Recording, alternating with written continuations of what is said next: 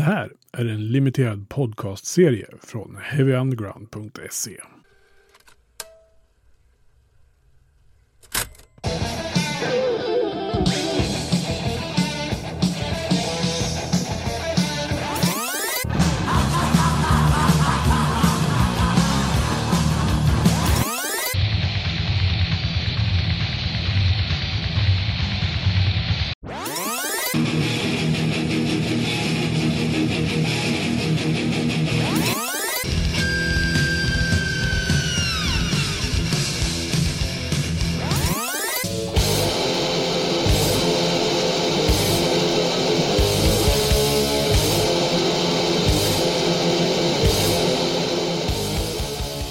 Välkommen till Stage Dive to Hell, där du får historier om den första svenska thrash metal-vågen som började i slutet på 80-talet och höll på fram till dess att death metal tog över, någonstans där i början på 90-talet.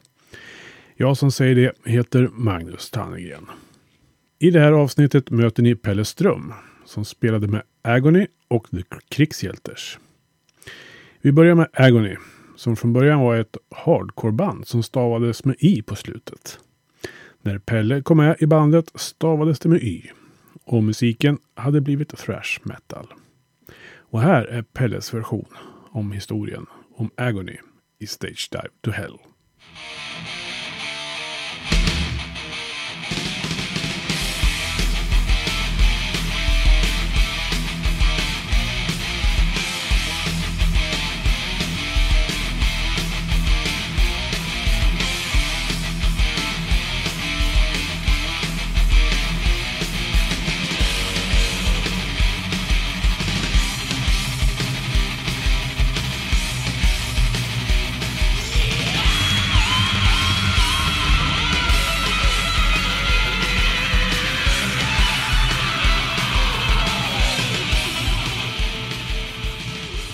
Pelle Ström, du är välkommen till eh, Heavy Undergrounds podcast om svensk thrash.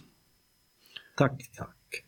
Eh, du är ju känd från band som Agony, Krigshjälters och Omitron. Eh, I det här ämnet, kanske mest. Mm. Men vi ska prata om alla tre tror jag. Men först är jag lite intresserad bara av vad du...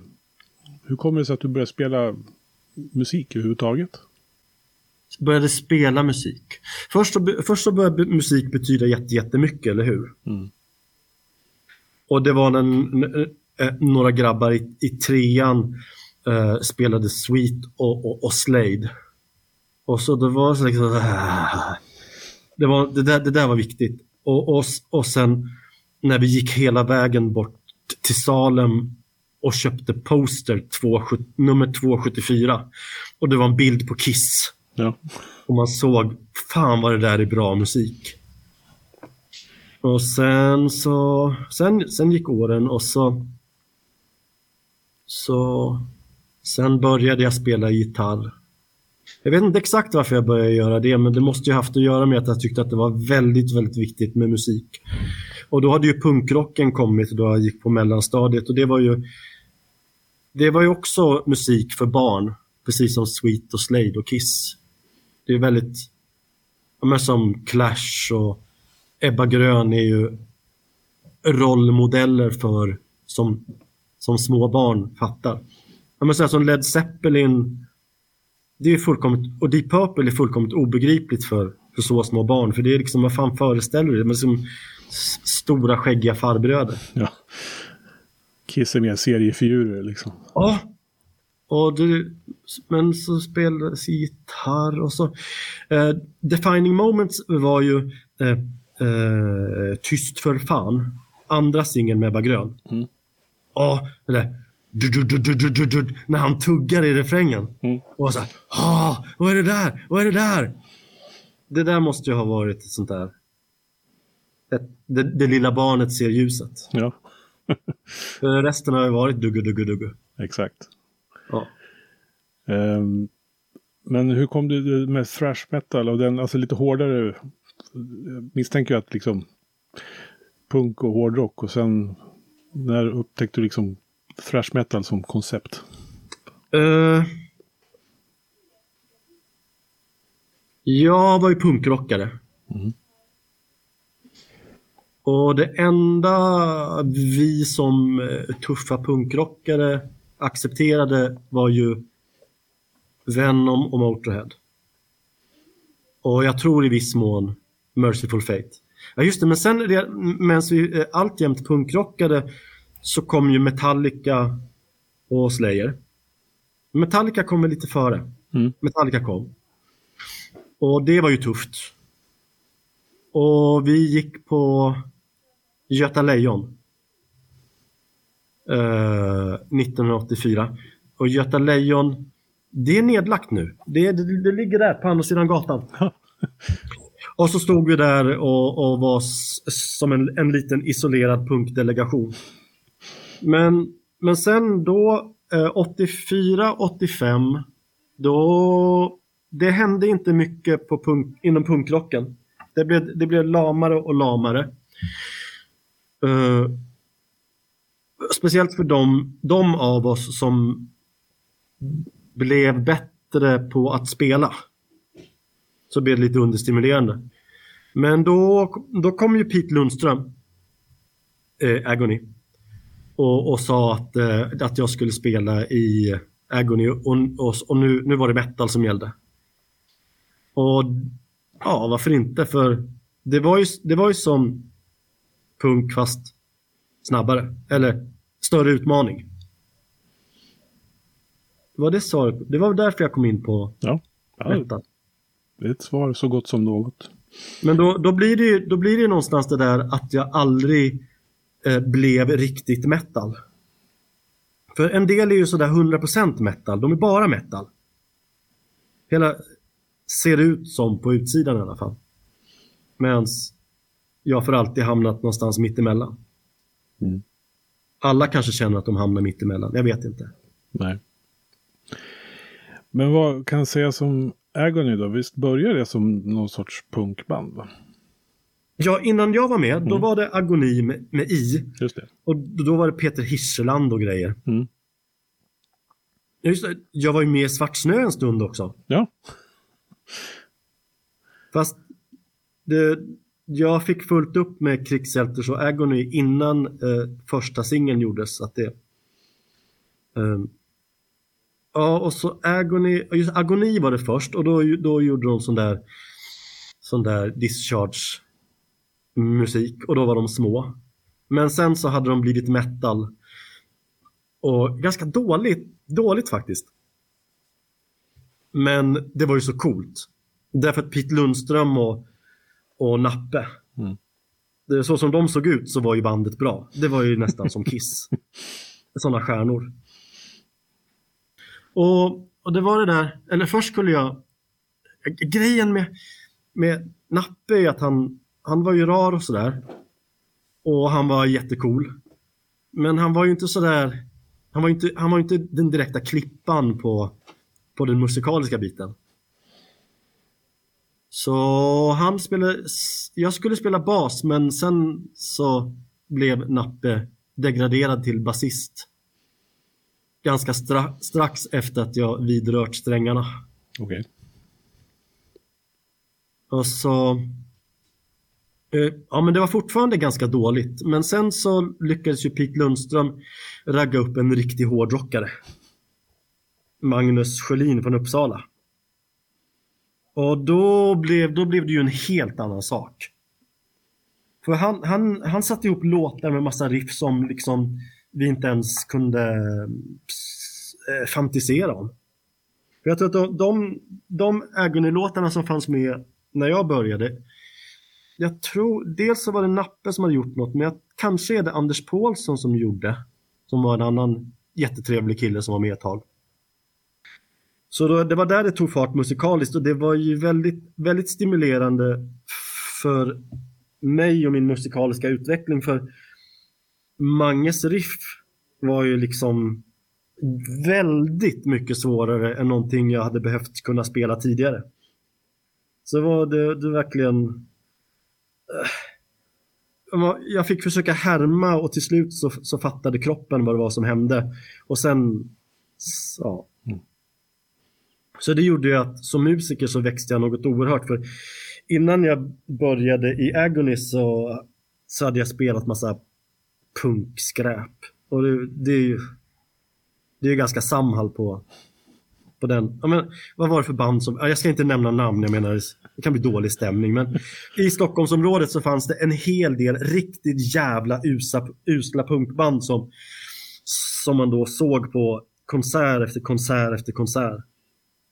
Och så var det ju Asta Kask. Asta Kask är tillräckligt stora och legendariska för att jag ska vara bäsk i tonen. De var ju kul att se live, men liksom låtarna var ju, det var ju konsekvent eh, Ebba Gröns kasserade låtar fast med applicerad tvåtakt. Så det var ju ett ta tack Pete Lundström för att han räddade mig från den musikaliska miljö som verkligen inte var stimulerande. Nej. Men ni spelade in ett gäng demos där runt 86 med ägarna. Ja. Uh, första demon innan jag var med, då, då, då hade de lånat in någon uh, kompis till Ragne, Heavy Load-Ragne som spelade solorna på den allra första demon. Så fantastiskt jättemycket sån här studsdelay och sånt. Och sen så gjorde vi, hur många demos gjorde vi? Vi gjorde två demos kanske. Ja, jag har skakat fram tre. The future is ours, men det kanske var något annat då. Sen exe den, Execution den, of Mankind 86. Ja, den första, den som är med en lieman på. Mm. Har du omslagen eller? Nej, det har jag inte. Jag har bara listan på. Den första är inte jag med på. Nej. Och där är det, där är, där är det in...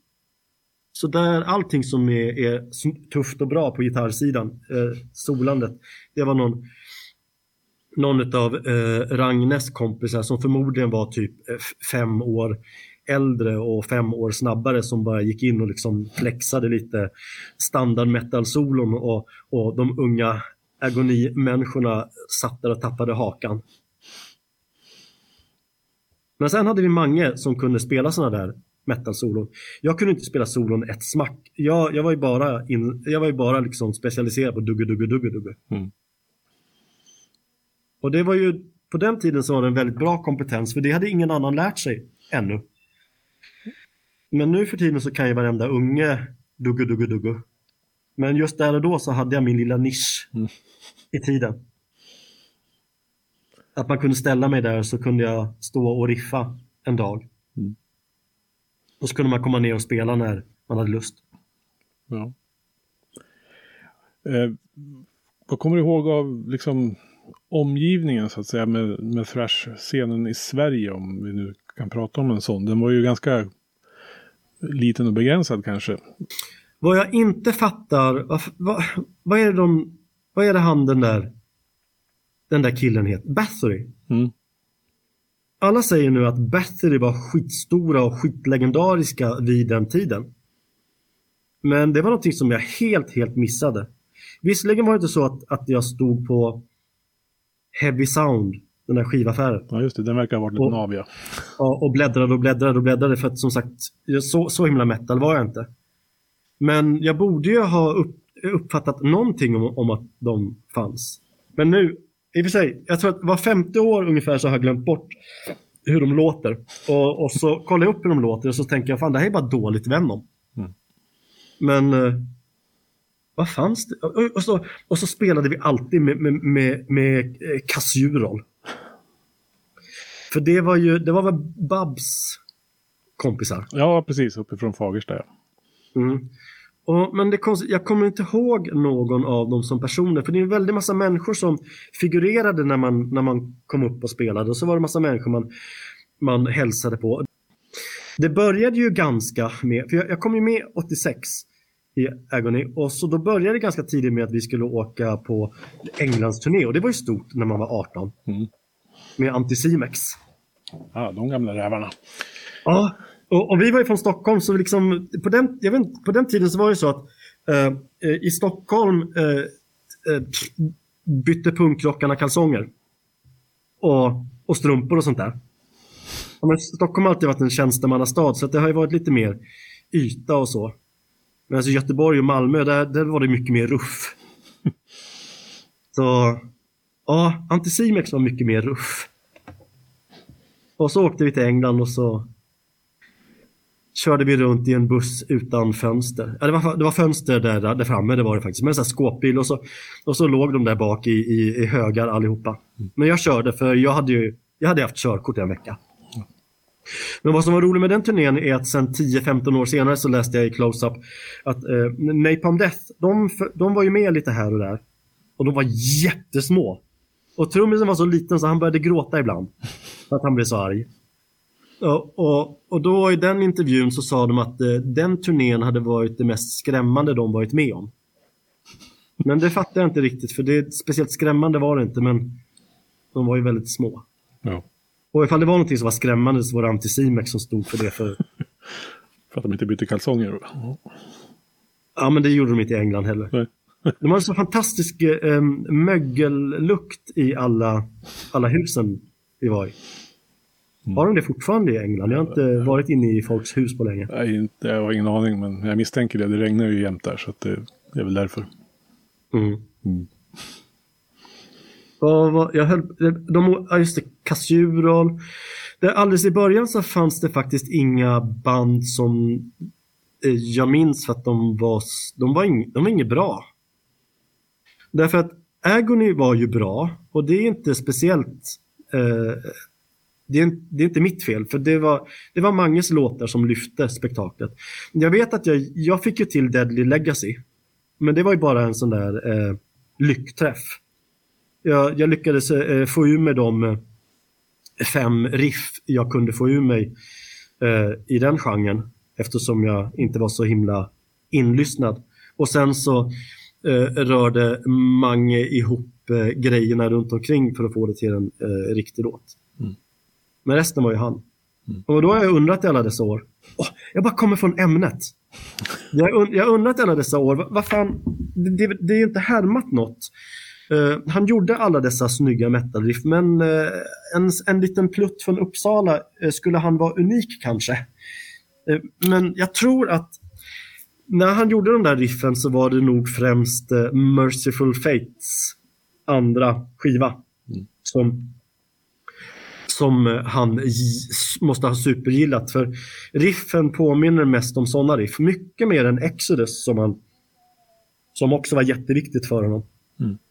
Så där tror jag nog att jag har svaret, men det tog tid. Så det var bra grejer han gjorde.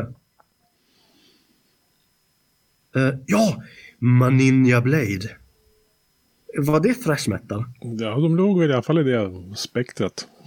För de var lite äldre. Och de, de harvade ju runt och spelade på punkspelningar i Stockholm. Mm. Bland annat flera gånger på Birkagården där vi, där, där vi hängde. Och det var ju kul för de var ju, de var ju fullständigt fel för de var ju liksom mera heavy metal. Och lite äldre och fullständigt inte Stockholm och inte punk. Men de spelade där ändå och, och det var ganska kul för de, de, de körde ju hela metal-grejen. Kan vi få höra några riktiga barbarskrin? Så det var, väl, det var väl ironi och sarkasm från båda håll till eh, ömsesidig glädje. Ja. Midas Touch kan inte hålla reda på vilka det var. Jag vet att det var Manges polare. Mm. Ja, de är ju från Uppsala. Så att... Ja. Var det någon mer Thrash-akt som jag kanske vet men har glömt bort? Ja, Mesro har det från Nyköping. Nej. Nej. Ingen aning. Nej. Ice Age, Göteborg. För långt bort. Mm. det fanns inte. Det, redan nästa generation med en tom och sådär, då fanns det ju tusen band bakom, bakom varenda hörn. Mm. Men vi var ganska först. Eller Pete Lundström var ganska först för att jag, eh, jag bara eh, hängde på och, och liksom nickade. Mm. Och flinade lite dumt. Ja. Eh, men du hängde med fram till första skivan som du var med att spela in va? Eller den enda skivan ja. var det väl? Så jag var med i Koppom där vi spelade in ute i skogen. Mm. Det var kul. Men vad kan man säga om skivan? För att jag tycker att den plattan är ju, om man ska se den i ett större perspektiv så är ju uh, The First Defiance på något sätt den som låter mest internationell thrash-klass på liksom. Ja, både soundmässigt och låtmässigt så håller den ju bäst nästan av alla plattor som släpptes då. Tycker jag. Det är min personliga åsikt. Men det, tro, men det tror jag att det är inte speciellt kontroversiellt. Uh, för just thrash metal-vågen blev inte stor i Sverige. Mm. Och det var för vi vi var väl ett internationellt B-band kan man väl säga. Höll internationell eh, B-klass. Mm. Och vi hade väl ganska stor budget kanske. Och låtarna var ju bra. Tommy trummade ju... En del musiker lyfter den musik de spelar. Och Tommy Moberg måste ha lyft det ganska. För han var... Han kunde trumma. Mm. Och riffen är snygga. Och attityden är bra. Just att det är lite, det är lite punkattityd. Pete Lundström är ju, var ju en stjärna.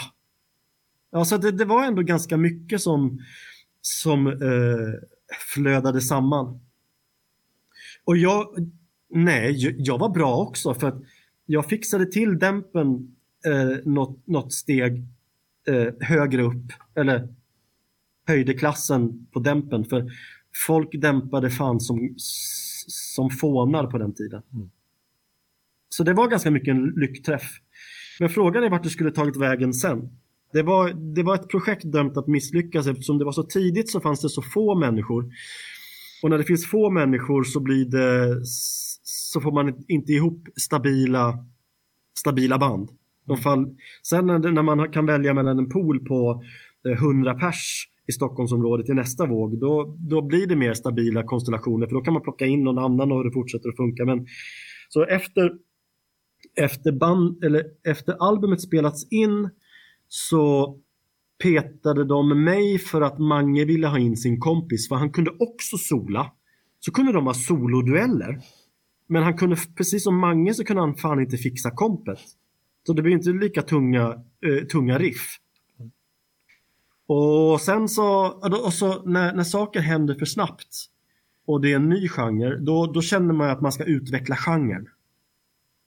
Och, så då börjar de genast uh, göra eh, tröga, långsamma låtar.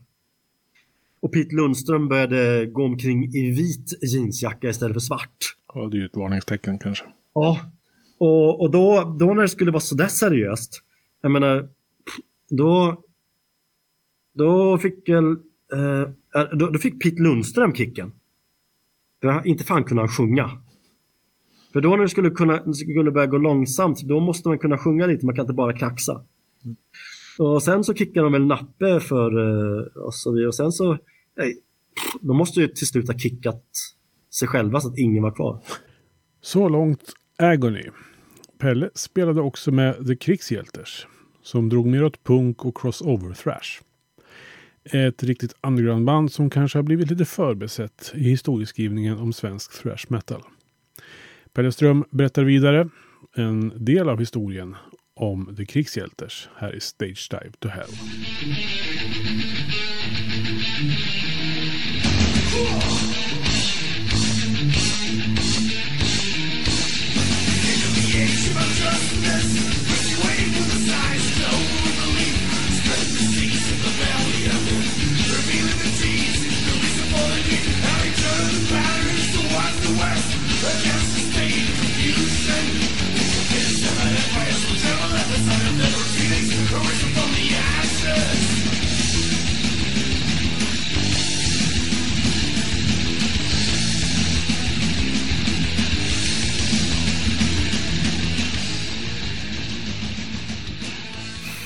Jag, jag, jag, jag, tog pendeltåget upp till Stockholm och, och punkrockade runt där ett tag och sen till slut så började det finnas plats för mig i banden. Så då 84 kanske så började jag både i Krigshjälters och i Aggressiv som var Pontus andra band. Aggressiv var jätteroligt för det var så idiotpunk. Mm. Det tyckte jag var kul. Eh, Medan Krigshjälters var ju tvärtom. Det var så här liksom, vi är Dead Kennedys. Och, och så höll jag på med dem, men då Stefan och Pontus, de åkte på sån där eh, eh jorden runt-resa till Thailand och Australien och hela kittet.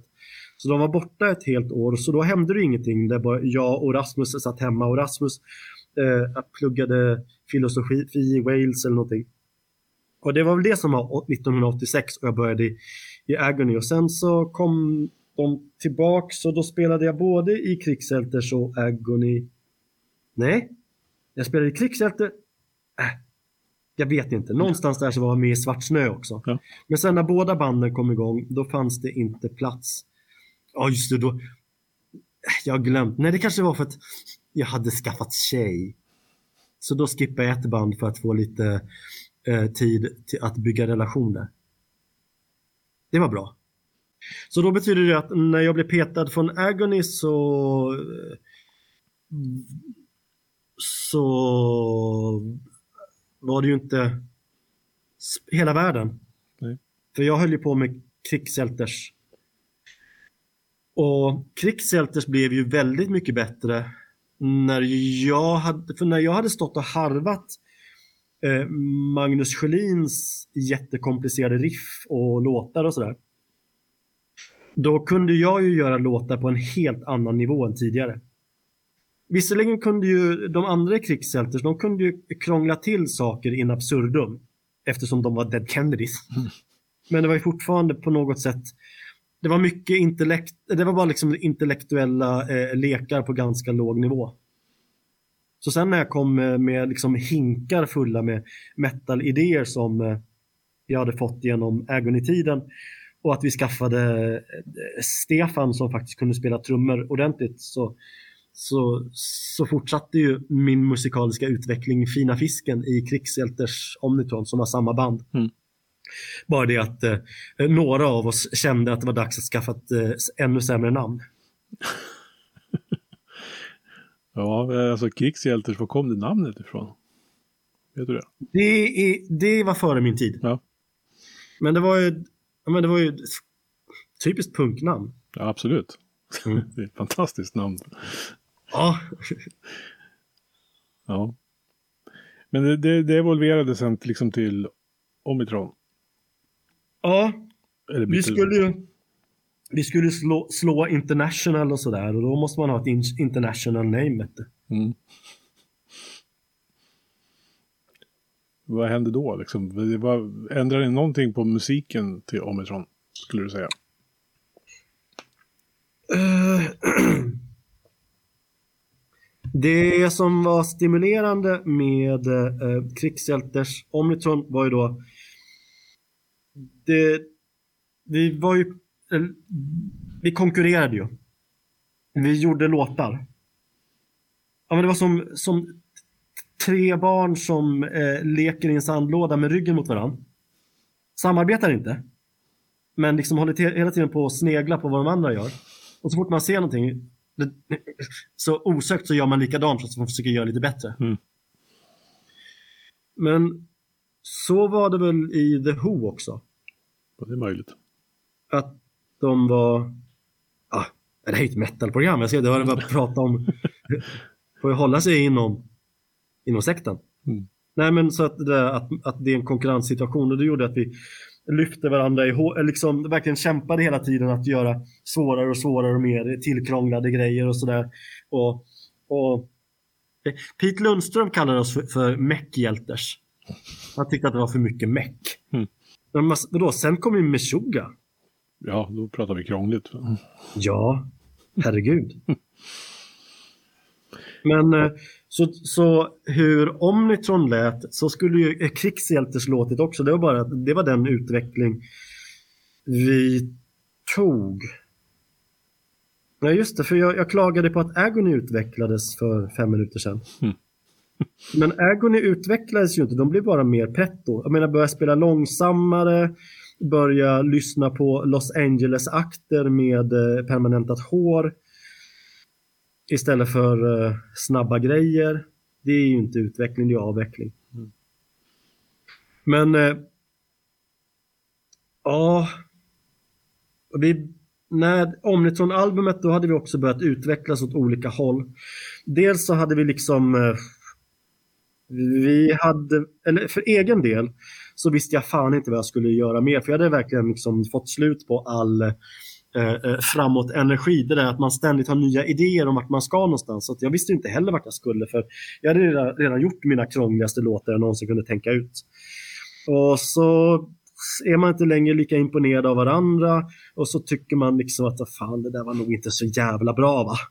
Och sen så när man ska slå international så växer egot. Och nej, nu är det så viktigt. Nu kan vi inte samarbeta längre. För nu måste min vilja komma fram. För det här är väldigt, väldigt viktigt nu.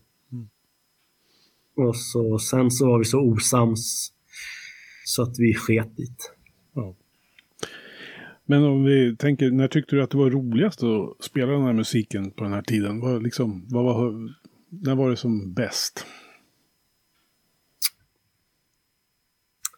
Uh, jag gjorde en sån där ganska, ganska seriös online eh, personlighetsundersökning eh, eh, baserad på egna svar. Och då visade det sig att jag har spektakulärt låg nivå av entusiasm. Så det är en svår fråga det där. Ja, det förstår jag då. Uh, när, men när var det? Det var ju en trevlig tid.